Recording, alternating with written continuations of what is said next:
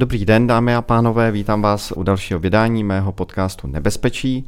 Mám tady před sebou Petra Janišku, což je dlouholetý odborník na Polsko, na střední Evropu, také dlouholetý diplomat, novinář, v současné době opět novinář a kdysi také zakladatel Respektu. Tak Petře, já vás tady vítám. Dobrý den, je radost tady být zase. A budeme si povídat hlavně o Polsku, protože Polsko čekají parlamentní volby. Ty volby budou uh, hodně důležité rozhodnou o dalším směřování zřejmě nejenom Polska, ale asi budou mít dopad i na celý středoevropský region, protože Polsko je regionální velmoc a možná, že budou mít dopad i širší. Tak to tady spolu budeme rozebírat. Výborně. Tak eh, hned k první otázce. Mě by zajímalo, eh, Donald Tusk, což je lídr polské opozice, muž, který si dělá ambici na to být znovu polským premiérem, protože už byl v minulosti polským premiérem, tak říká, že když eh, tyhle ty volby vyhraje znovu, teď už by to bylo tedy po třetí za sebou, současná vládnoucí strana Právo a spravedlnost, jeho vyzivatele pana Kačinského, takže to je v Polsku de facto konec demokracie. Nejde ze strany Donalda Tuska o takovou klasickou dezinformaci, je to tak vážné? Nejde o to, že to říká jenom Donald Tusk, ale to říká eh, možná polovička polského národa. Eh, to říkají valná většina lidí, kteří zakladali solidaritu, kteří eh, vlastně mají lvý podíl na tom pádu komunismu v roce 89 a na tom, že vlastně komunismus odešel ze střední Evropy. Prakticky všichni z těchto lidí pokud ještě žijí, teda, protože někteří zemřeli, tak jsou v opozici proti Jaroslavu Kačinskému a říkají, že to, co on dělá, je veliké nebezpečí. Já jsem mluvil nedávno s Lechem Valensou, legendou, bývalým šéfem Solidarity a prezidentem, a on mi řekl jasně, Kačinský se snaží změnit eh, demokracii v diktaturu. Samozřejmě, že v Polsku dneska je demokracie v tom smyslu, že se tam můžou konat volby a je možné ještě třeba, že opozice je vyhraje, ale všechno nasvědčuje tomu, že to je asi zřejmě úplně naposled. Protože Jaroslav Kačinský je člověk, který mu jde o jedno, o moc. To není žádná konzervativní strana, k tomu se asi dostaneme, jednou bude prostě o moc. A všechno ostatní kolem sebe likviduje. Takže mluvíme-li o demokracii jako o systému, kde se předpokládá střídání moci jednou jedna strana, jednou druhá strana, nějakým způsobem respektujete opozici, že jo, anglicky se tomu říká dokonce opozice jeho veličenstva královny, nebo teď už krále, tak eh, tohle vůbec Kačínský neuznává. Pro něj opozice to jsou nepřátelé vlasti, to jsou nepřátelé, které je třeba zlikvidovat. To samé s tou jeho stranou On vůbec nepředpokládá nějakou legitimitu opozičního nebo nezávislého tisku a médií, jako jste třeba vy tady v České republice, ale má dojem, že to je něco úplně špatného a snaží se je zlikvidovat. Takže dneska třeba veřejnoprávní televize v Polsku není vůbec veřejnoprávní, to je stranická partajní televize, o které i mnoho lidí, kteří volí Kačinského, tak říkají, že se na to nedá koukat, protože to je opravdu jeden proud propagandy a jeden útok na opozici s druhým. On vládl dvakrát za sebou, teď by tedy mohl eh, vládnout po třetí. Co by mohl ale udělat horšího, než to, co už eh, případně udělal teď? Teď myslím eh, různými jako útoky třeba na nezávislost justice nebo médií Pořád v Polsku velká část médií zůstává nezávislá, justice si taky udržela částečnou jako nezávislost. Chci se vlastně zeptat, když jste říkal, že teď eh, je poslední šance možná, že by byly svobodné demokratické volby, tak jakým zásadním trhem eh, by Kančinský eh, mohl Polsku jako udělat? Co vlastně by mohl provést? To, co doteďka provést už nemohlo. No, šel bych dál v tom, co dělá, ale to není tak, že jste říkala, že ještě hodně médií svobodných a hodně e, soudy. Tak veškerý ústavní soud má ve svých rukou. Instituce, která v Polsku stvrzuje jaksi platnost voleb a tak, e, výsledky voleb je nejvyšší soud. Nejvyšší soud má ve svých rukou, tam vyměnil lidi. V ústavním soudu vyměnil lidi. Proč ústavní soud? Protože ten má mm, posoudit, jestli nějaký zákon je v souladu s ústavou nebo ne. To znamená, on za těch posledních 8 let si prosadil spoustu zákonů, které vlastně by tam vůbec neměly, neměly být. S těmi médií to je tak, že v Polsku valná většina, víc než polovina obyvatelstva žije stále ještě na malých městečkách nebo na vsi. Tam je hlavně tam na tom východě, jediným zdrojem informací je ta veřejnoprávní, což je prakticky státní televize. Oni nemají přístup eh, ke druhé televizi, která neřeknu, že je vyloženě opoziční, ale to prostě normální televize, která je kritická jak k vládě, tak, tak opozici, víc k vládě samozřejmě, protože to je role médií, že jo, tak k ní se nedostanou. Eh, stále více tisku je v rukou Kačinského strany. Podívejte, co on nedávno udělal. Kačinský je člověk, který rozhoduje o všem v té zemi. To je skutečný vládce té země. On rozhoduje o tom, kdo bude premiérem, kdo bude kterým ministrem, odvolá premiéra, neodvolá premiéra. On rozhoduje o tom, kdo bude v čele veřejnoprávní televize, rozhoduje o tom, kdo bude stát v čele těch velkých podniků. V Polsku je spousta podniků státních nebo polostátních. Jedním z nich je gigant Orlen, že? petrochemie, benzínka a tak dále. Eh, protože tam má svého člověka, protože Orlen samozřejmě vydělává spoustu peněz, tak Orlen, kdy před rokem skoupil najednou veškerou síť regionálního tisku a co je na tom ještě zajímavé, že tam jsou stovky webových stránek, to znamená, že tím letím on ovlivní celý venkov a malá městečka. Jakmile Orlen tohle udělal, tak vyměnil samozřejmě šéf-redaktory, tam došlo ke změnám i na úrovni novinářů a pokyn byl jasný, prostě budete psát jako pozitivně o vládě. Řekněte mi, co tohle má společného, jak asi jednak s dobrým hospodařením, aby firma kupovala takhle noviny a jedno, co to má společného s demokracií. Víme přece, že oni permanentně útočí na to malé množství nebo určité množství toho opozičních médií, které ještě tam zůstaly. Tam je hlavním tím opozičním pilířem je televize TVN, která patří, to je zajímavý američanům, americkému fondu. Přestože Polsku v jeho geopolitické strategii jde o co nejlepší vztahy se Spojenými státama. Stoprocentně všechno sázejí kartu na Spojené státy. Oni mají konflikty s Evropskou unii, nevěří na žádnou evropskou armádu a tak dále. Tak přestože mají takhle velký zájem, přestože jsou přímo sousedí s Ukrajinou a s Rusy mají v minulosti daleko víc zkušeností než my válečných, tak oni se rozhodli tuhle tu televizi vlastně zničit. Šlo to tak daleko, že intervenoval eh, americký minister zahraničí. To není vůbec žádná legrace a oni přesto šli do konfliktu. Čili tím chci říct, že eh, Polsko se velmi liší od dneska už od záporu evropských demokracií. A odpovím přesně na tu vaši otázku, kdyby Kačinský tam byl ještě čtyři roky, tak je celkem jasné, že všechny soudy bude mít ve svých rukou, všechna média bude mít ve svých rukou, kromě pár nějakých malinkých. A co je důležité, že on má taky svoje lidi vlastně všude ve státní správě, v těch velikých státních institucích protože to, tady se moc o tom nemluví, ale Kačinský, když se dostal k moci, tak vlastně začal něco, co my jsme tady zažili za Husákovy normalizace, to znamená vyhazovat lidi, vyměňovat lidi. V diplomacii se zbavili desítek, desítek nejlepších diplomatů, nahradili je lidmi, kteří přišli jenom s partajní legitimací. To sami udělali ve spoustě jiných institucí. Eh, oni vyhodili všechny, prakticky všechny ředitele těch velikých kulturních institucí, které řídí vláda, čili ministerstvo kultury a institucí paměti, tam si dosadili svoje lidi. To byla opravdu, a je, to stále postupuje, to je to, je to co jsme tady zažili za normalizace. No a já jsem se ptal právě v té úvodní otázce, eh, jestli Donald Tusk, když mluví eh, o obavě eh, vlastně s rozbití demokratické povahy polského státu, tak jestli přece jenom trochu nepřehání v tom, protože když třeba porovnáte Polsko s Maďarskem, dejme tomu, aby jsme zůstali ve střední Evropě, tak Maďarsko je nepochybně uchvácené Viktorem Orbánem. Opozice tam má v podstatě jako nulovou šanci vyhrát, když to v Polsku pořád opozice v tuhle tu chvíli šanci vyhrát má a sestavit vládu, respektive minimálně sestavit tedy vládu, tuhle tu šanci má. A velká část voličů, řekl bych, v Polsku bude sice volit Kačinského, ale velká část také Kačinského volit nebude mě vlastně jako zajímá, jestli tyhle ty dalekosáhlé změny, které tady rozebíráte a kterých se třeba bojí Donald Tusk a další kritici kančického režimu, tak jestli je má Kačinský možnost uskutečnit v zemi, kde proti němu na rozdíl třeba od Maďarska eh, stojí jako velká část nespokojených voličů, kteří to třeba nedopustí. Víte, říkáte velká část.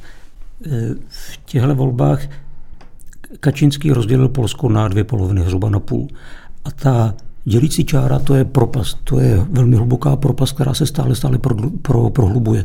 My si to vůbec z Čech nedovedeme představit, který si myslíme, že už nic horšího není, než co máme tady, co jsme měli Babiše, ale Tam to jde tak daleko, že v mnoha rodinách už se vůbec lidi nebaví o politice, protože by si jinak věli do vlasů.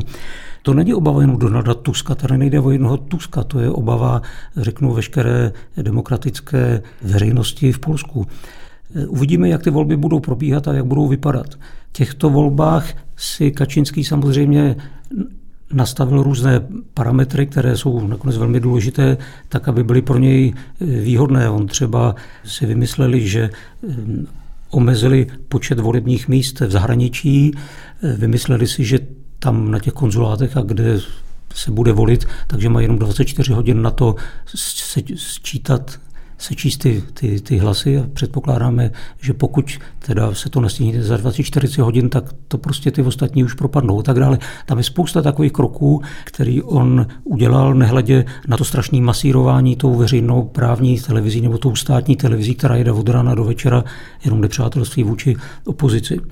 Myslíte, že má šanci skutečně to Polsko proměnit úplně ke svému snu, protože když třeba teď byla proti vládní demonstrace ve Varšavě, tak tam bylo asi milion lidí. Hmm. To je fakt jako velká síla lidí je. a to jde asi očekávat, že přesně tyhle ty lidé, kdyby Kačinský po volbách eh, začal eh, ten právní stát destruovat eh, ještě daleko více, takže tyhle ti lidé se znovu objeví v ulicích. Vlastně ta moje otázka je pořád o tom, jestli tam není jako velká síla občanů, kteří by mu to třeba takhle neumožnili, jak on by si to představoval.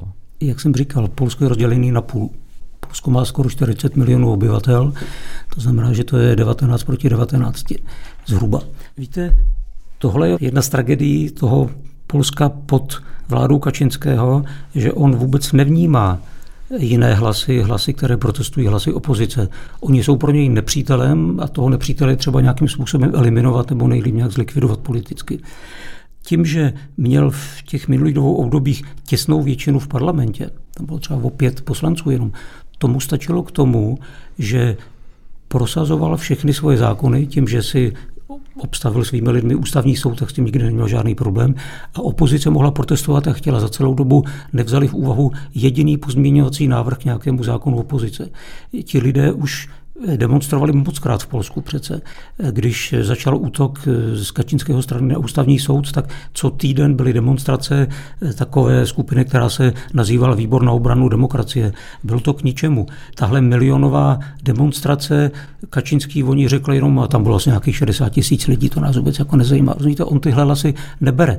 To, že skoro polovina obyvatel je nějakým způsobem v opozici, toho vůbec nezajímá. To znamená, že on, pokud by vyhrál ty volby a mohl pokračovat v tom, co dělá, tak se na nic nebude ohlížet.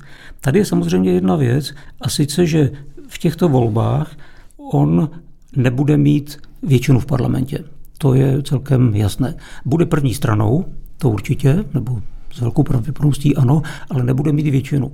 A moc stran, eh, že vám do toho skáču, mu asi na tu koalici nezbývá, tak eh, je tam konfederace, která se zároveň tváří, že ho, nechci říct nesnáší, ale minimálně nemusí, tak jako koaliční vláda asi pro něj nebude úplně snadná. Ten nebude, ale Sám jste to řekl jedinou stranou, která přichází v úvahu, že by ho podpořila. Já neříkám, že by s ním šel do koaliční vlády, ale že by ho podpořila, to znamená v parlamentu, nebo minimálně teda tím, že nebude hlasovat proti, nebo že při hlasování odejde a tak dále, je ta konfederace. Konfederace to je, s jinou stranou to udělat nemůže. Co je konfederace za stranu? Ta konfederace je relativně nová síla, mají teda už teďka pár poslanců v parlamentu, ale v těchto těch volbách velmi posílejí.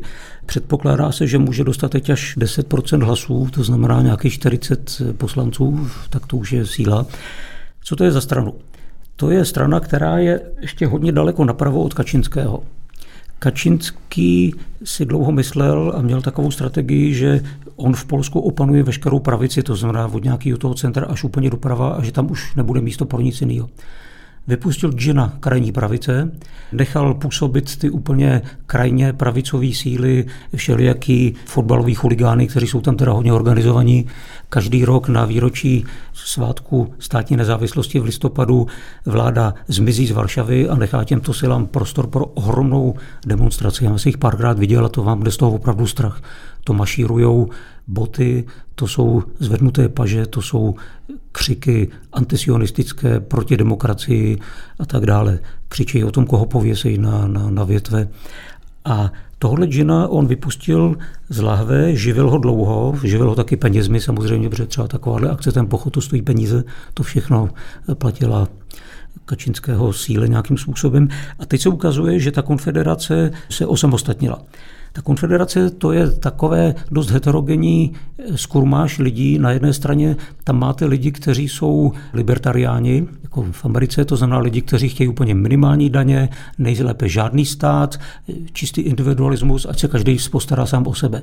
Ale zároveň je tam druhé křídlo, což je křídlo teda to klasické, co známe z Čech, Moravy. To znamená, proti vakcínám, proti Evropské unii jsou vyloženě antiukrajinští, to není pravda, že všichni Poláci podporují Ukrajinu. To je u nás takový mýtus.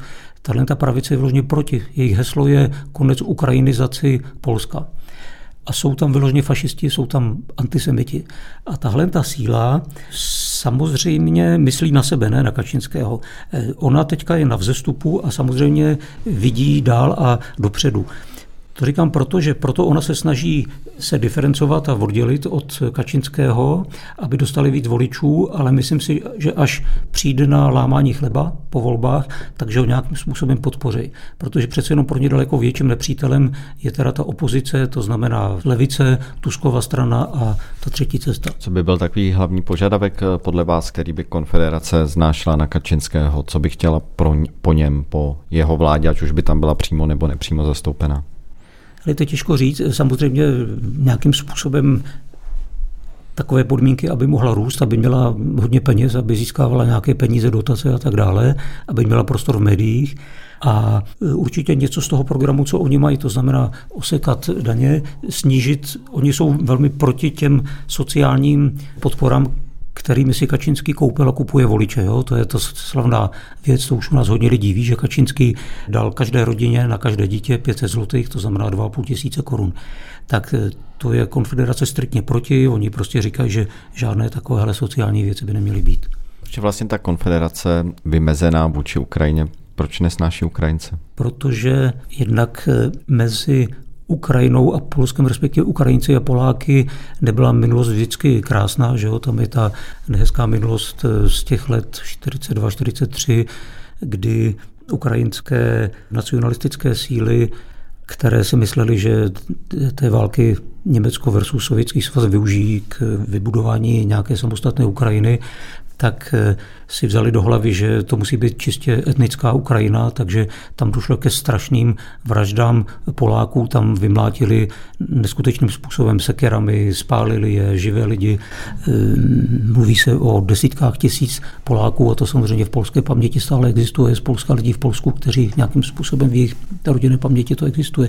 Ale zároveň vědí, že s tím letím v Polsku se dají nahnat procenta ve volbách. To je samozřejmě velmi utilitární. Já si nemyslím, že ten jejich šéf, mimochodem teď tam mají nového mladého šéfa, jmenuje se Mencen, velmi připomíná teda mladého šéfa Národního združení Lupenové ve Francii. To je stejný profil, snad je stejný věk, stejná retorika. Můžeme taky pozorovat, že ta současná vláda, kterou vede premiér Moravěcký a na kterou má samozřejmě hlavní vliv pan Kačinský, tak eh, takže zhoršila své vztahy s Ukrajinou. Zkomplikovaly se z celé řady důvodů, nejenom kvůli přepravě bylí přes kukuřice, přes polské území, ale prostě ty vztahy jsou daleko, daleko jako komplikovanější, než bývaly v těch předchozích měsících. Je to proto, protože e, došlo skutečně k nějakému jako faktickému, obsahovému, zásadnímu rozkolu mezi současnou vládnoucí stranou v Polsku a ukrajinským vedením. A nebo je tahle ta politika současné polské vlády ovlivněna právě předvolební situací a politikou konfederace směrem k Ukrajině? Nesnaží se Moravěcký a Kačinský vyluxovat hlasy vlastně konfederace tím, že oni také začínají být protiukrajinští? Ano, Sám jste to řekl, máte pravdu. Já samozřejmě nevidím do hlavy eh, Moravickému ani Zelenskému. Samozřejmě nikdo z nás neví, jestli si někdy někde něco řekli, ale to, co se stalo v těch minulých dnech, a já jsem překvapen, že v Čechách o tom média skoro vůbec nemluví, to je obrat ze strany Polska vůči Ukrajině o 180 stupňů. To je něco neslíchaného. Jsem přesvědčen a všechna polská média o tom mluví, že to PIS udělal proto, že oni se dělají velmi podrobné průzkumy. Mimochodem PIS pracuje s velmi podrobnými průzkumy a velmi častými. Tam mi vyšlo, že se na antiukrajinské notě dá nabrat několik procent, dvě, tři, a tato procenta, že by se brali konfederaci. Je přece šílené, že jenom tohle, tenhle ten jaksi dost vágní a hypotetický volební argument, který není teda podložen nějak úplně stoprocentně betonově na beton, tak stačil k tomu, aby Polsko otočilo ve své zahraniční politice v té tak důležité chvíli, jako je teďka ruská invaze na Ukrajině, vzhledem k tomu, v jaké geopolitické situaci se nachází Polsko, tak vlastně otočit. Tam se stalo, že najednou, a vidíte, jak polští politici najednou otočí úplně o 180 stupňů. Prezident Duda, který se nedávna prezentoval jako největší kamarád se Zelenským a fotili se a tak dále a říkal, prostě není nic důležitějšího než podpora Ukrajiny tak najednou začne říkat, a ještě navíc ne doma, ale v New Yorku, v OSN, v projevu, že e, Ukrajina je takový jako tonoucí člověk a když tonoucí člověk, když ho chcete zachránit, tak je pro vás nebezpečím, že vás může stáhnout do hlubin, takže vy se mu musíte bránit.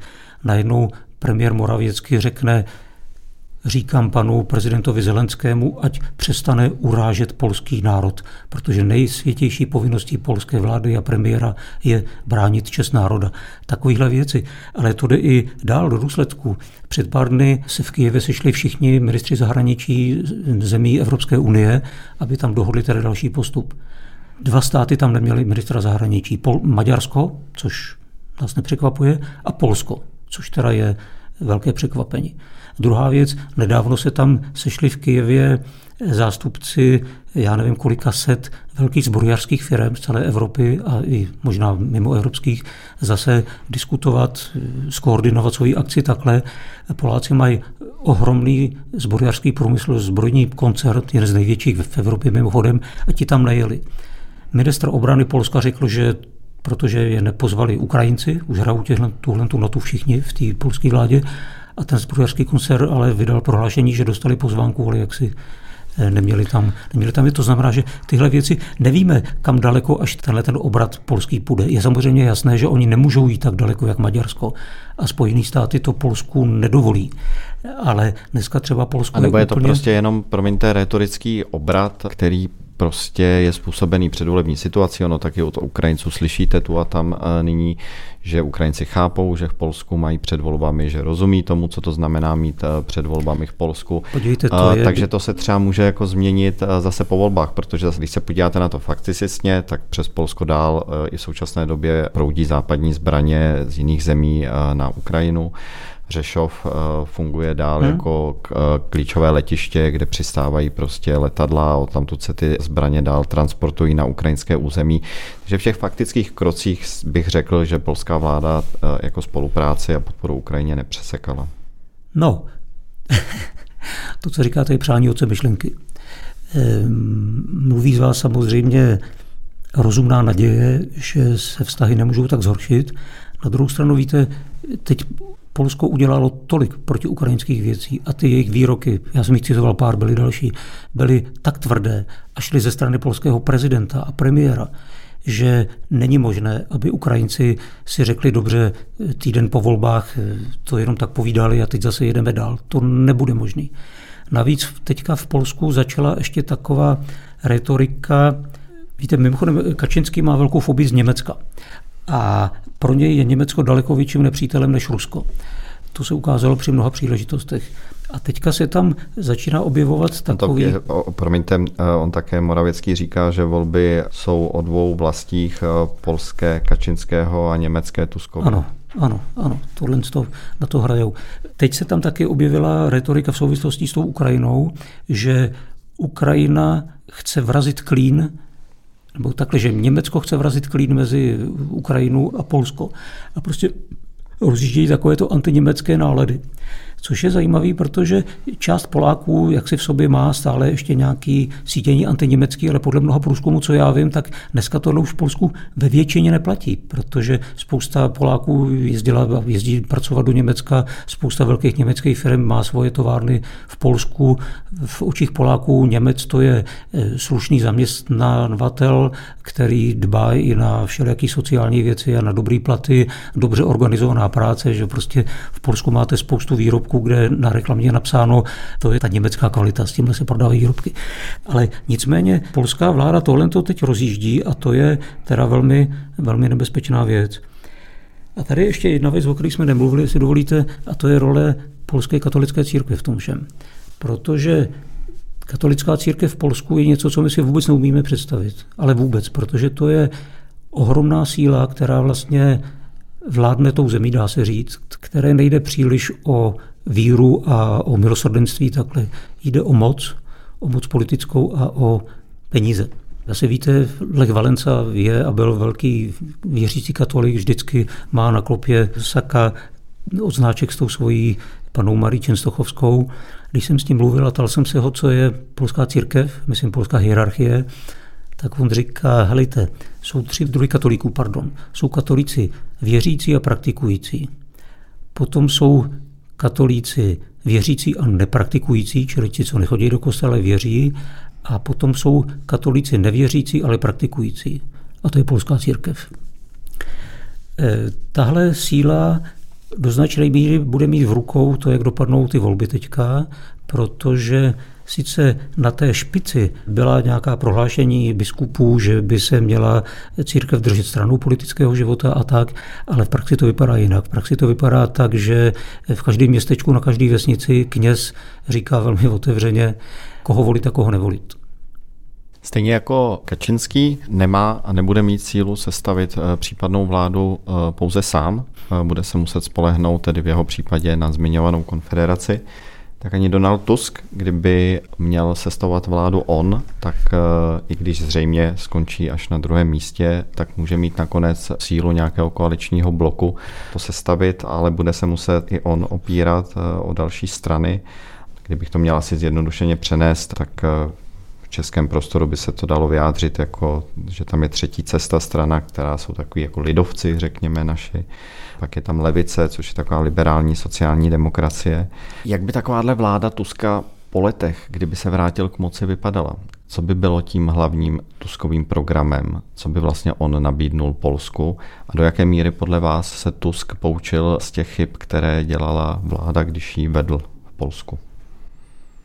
Tak to je několik otázek tak eh, pokud by opozice vyhrála, mluvíme o opozici, tak je jasný, že bude opoziční vláda, to znamená koaliční vláda těchto tří stran, jak jste, jak jste řekl, protože ty strany se všechny vymezují jasně proti PISu, proti Kačinskému.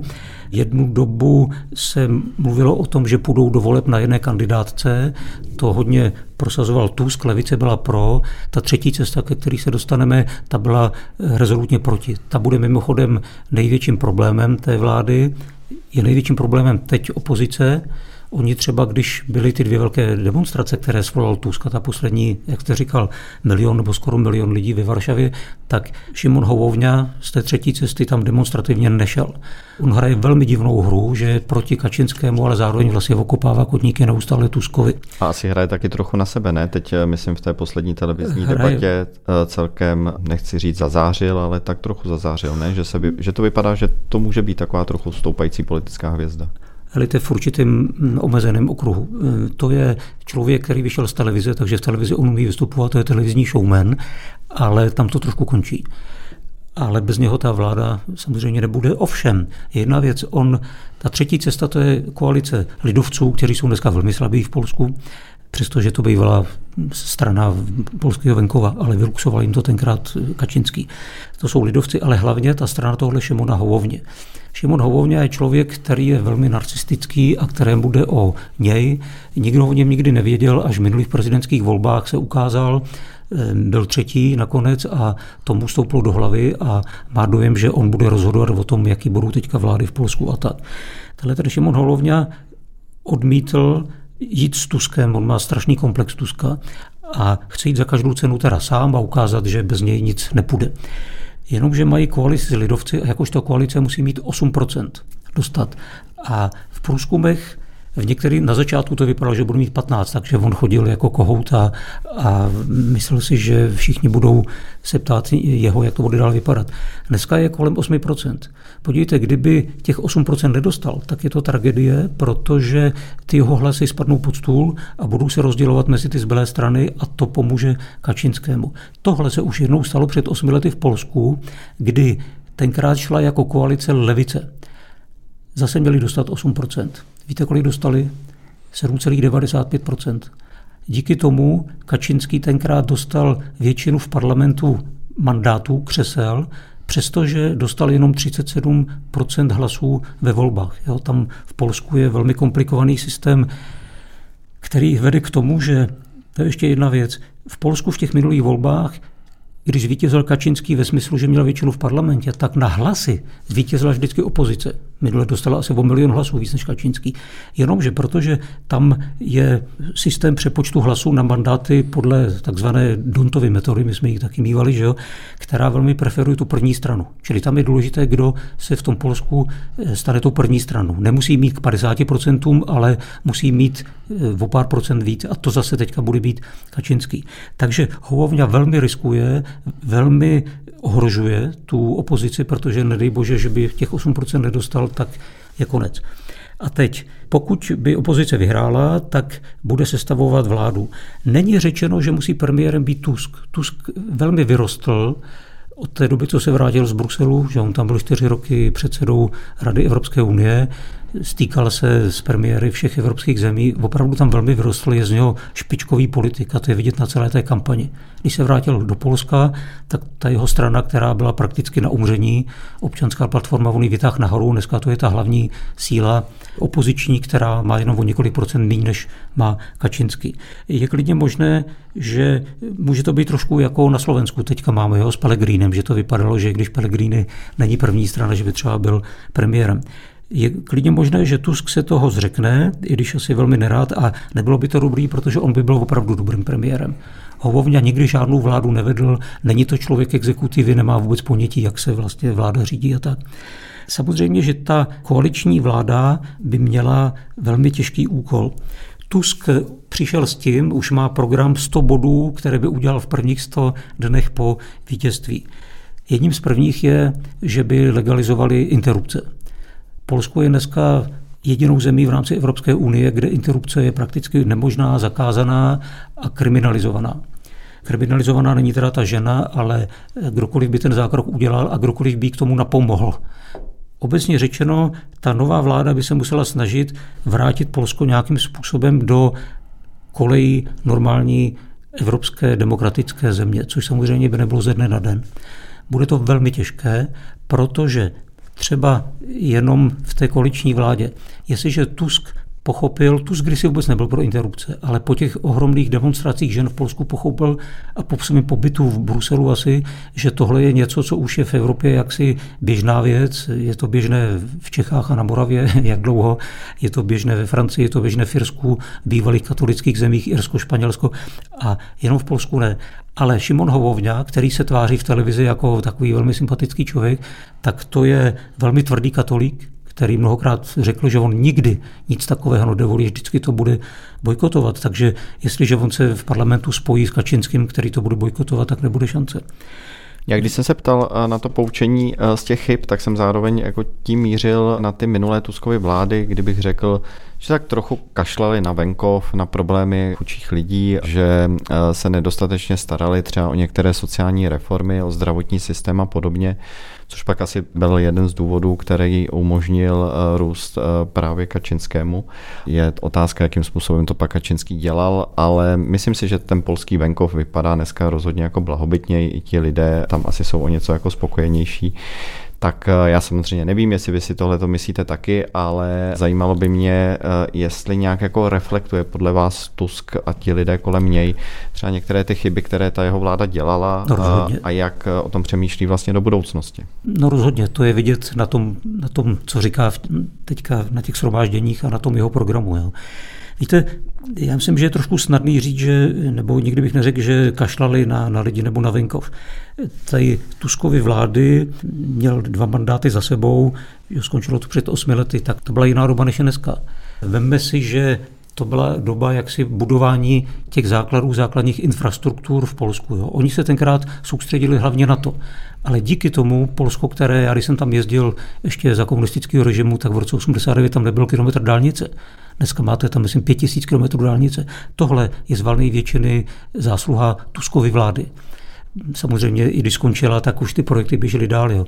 Železnice, které byly v Polsku v šíleném stavu, tak ty se podstatně zlepšily, změnily. Jsou tam už někde rychlovlaky. Vybudovali desítky supermoderních, nádherných, krásných nádraží. V každém městě vybudovali nádhernou filharmonii, muzeum současného umění, galerii moderního umění, školy.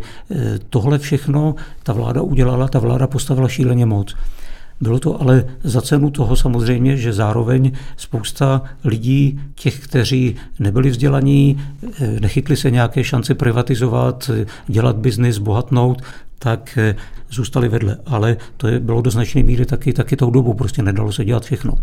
Tu Stolen to pochopil a taky myslím zase díky tomu, že byl v tom Bruselu a je teďka daleko sociálnější, jak jsem říkal, rozumí jednoznačně, že ženy eh, ve své většině v Polsku žádají interrupce, chce navýšit platy zdravotníkům, učitelům, říká, že samozřejmě nebude rušit žádných těch 500 zlotých na dítě, dokonce teďka navrhoval, že by to mělo být 800 a že by to mělo být okamžitě, když to Kačinský to zablokoval, že teprve až po volbách, aby zase to měl jako argument. Takže Tusk není samozřejmě anděl a ta jeho strana není úplně to nejideálnější, co může být. Levice je třeba kritizuje, ale kritizuje je velmi chytře, to znamená v rámci stále té koalice. Protože Polsku dneska je to opravdu tak, že kdo z koho, buď Kačinský nebo nekačinský, to je ten hlavní message těchto voleb. A tam teda z mého pohledu ten Hovovňa je velmi jaksi nejasná figura, protože objektivně vzato on nahrává Kačinskému. To, že říká, že je v opozici, je ne tak úplně jasné a jak jsme viděli, tak dělal všechno pro to, aby třeba i ta velká demonstrace Tuskova, aby neměla takový dopad. Tam šlo o jednu věc, kdyby tenkrát Holovně tam přišel, tak přišla tam mimochodem levice. Kdyby Hlovně tam přišel a z pódia všichni tři, Tusk, třetí cesta a levice řekli Polákům, hlejte, my tady takhle stojíme spolu a my spolu uděláme novou vládu, jsme dohodnutí, jsme jednotní, tak by to byl velmi výrazný signál. Oni to neudělali. Ještě řeknu jednu věc. Tyhle ty volby zároveň budou do Senátu, a tam opozice jde na jedné eh, kandidáce. Jo? To je zajímavé, že do Senátu, mimochodem si jim to povedlo v minulých volbách a proto v Senátu mají většinu. Tak já, když eh, nakonec eh, našeho povídání trochu jako poodstoupím od Polska a podívám se s váma na celou střední Evropu, tak co byste řekl, že teď jako ve střední Evropě zažíváme a co budeme zažívat? Bavili jsme se tady dlouho, co může být v Polsku. Na Slovensku teď vzniká téměř jistě vláda Roberta Fica. Maďarsko je e, dlouhodobě jasně pro ruské právní stát. Tam byl rozdrcen e, Viktorem Orbánem. E, opozice je tam hodně jako zadupaná do země a nějaká občanská společnost. Možná bych sem zařadil i Rakousko a Německo tak trochu, protože v Německu sílí strana populistická, extremistická strana AFD a Rakousko bych také řekl, že si není úplně jisto, jakou politiku chce dělat s Ruskem a s Vladimírem Putinem a že je pořád jako do nějaké větší míry závislé na Rusku. Tak eh, jako zažíváme tady něco, čeho jsme byli svědky už v minulosti, že na nějakou chvíli třeba Česká republika bude taková trochu jako osamocená demokracie, svobodný právní stát eh, a je to dlouhodobě jako uhajitelná pozice? Ostrůvek demokracie ve střední Evropě, jak se říkalo o předválečném Československu. Ale to není to vůbec vyloučený. No, vidíme, tady nejde, myslím, jenom o ty jednotlivé země, jak jste teďka citoval, ale v celé Evropě je teďka stále obtížnější situace. Vůbec si neumíme představit, jak se bude vyvíjet ta válka, ten, ta invaze ruská na Ukrajině a ukrajinská obrana. Neumíme si představit dneska co udělá ten střední východ. Tam to může bouchnout daleko víc, než to zatím bylo a než to se jeví.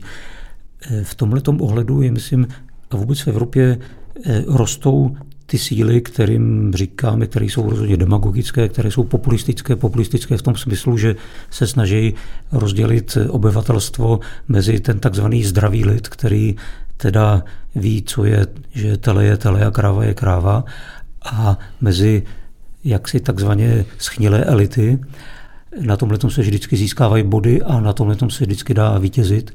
Ve 30. letech takhle vítězil Mussolini, ve 30. letech takhle vítězil Hitler. Tohle je na vzestupu ve všech zemích Evropy, někde víc, někde míň. Myslím si, že co bude strašně důležité, je, jakou budeme mít vládu, která nakolik bude si vědoma tohle nebezpečí a nebude se držet nějakých floskulí podle nějakých, nějakých ideologických floskulí o tom, jak má teoreticky vypadat trh, jak má teoreticky vypadat rozpočet eh, a tak dále. Jo. Tady mířím samozřejmě na českou vládu. Teď se hraje daleko víc, než jenom o to, jestli budou rapidně, radikálně ozdravený veřejný finance nebo ne třeba. Jo. Tady se hraje prostě o to, aby společnost byla nějakým způsobem aspoň relativně stále jednotná, aby většina obyvatel tady měla pocit, že žijou v dobrém státě s relativně slušnou vládou. To bude strašně důležitý. A co je strašně důležitý, to bude Evropská unie. Vy jste na začátku se mě ptal na tu reakci polského obyvatelstva, které by si nenechalo líbit, kdyby Kačinský šel až úplně do konce s tím autokratickým systémem vládnutí. V Polsku všechny tyto síly vkládají nesmírnou naději do Evropské unie. A je fakt, že Evropská unie, její instituce, to znamená Evropská komise i ten soudní dvůr Evropské unie mnohokrát už intervenovali ne proto, že by se chtěli do něčeho plíst, ale to je jejich povinností. To se v Čechách moc neříká, oni to mají v náplní práce a díky jejich intervencím v Polsku různé věci neprošly na úrovni soudů, musely být zastaveny, zákony musely být staženy, ale jenom zcela minimálně. A tady jde o to, vy jste že zmínil tu Ukrajinu, tak nakolik Evropská unie bude schopná stále eh, držet nějakou jednotu, nakolik bude schopná teda reagovat dohromady.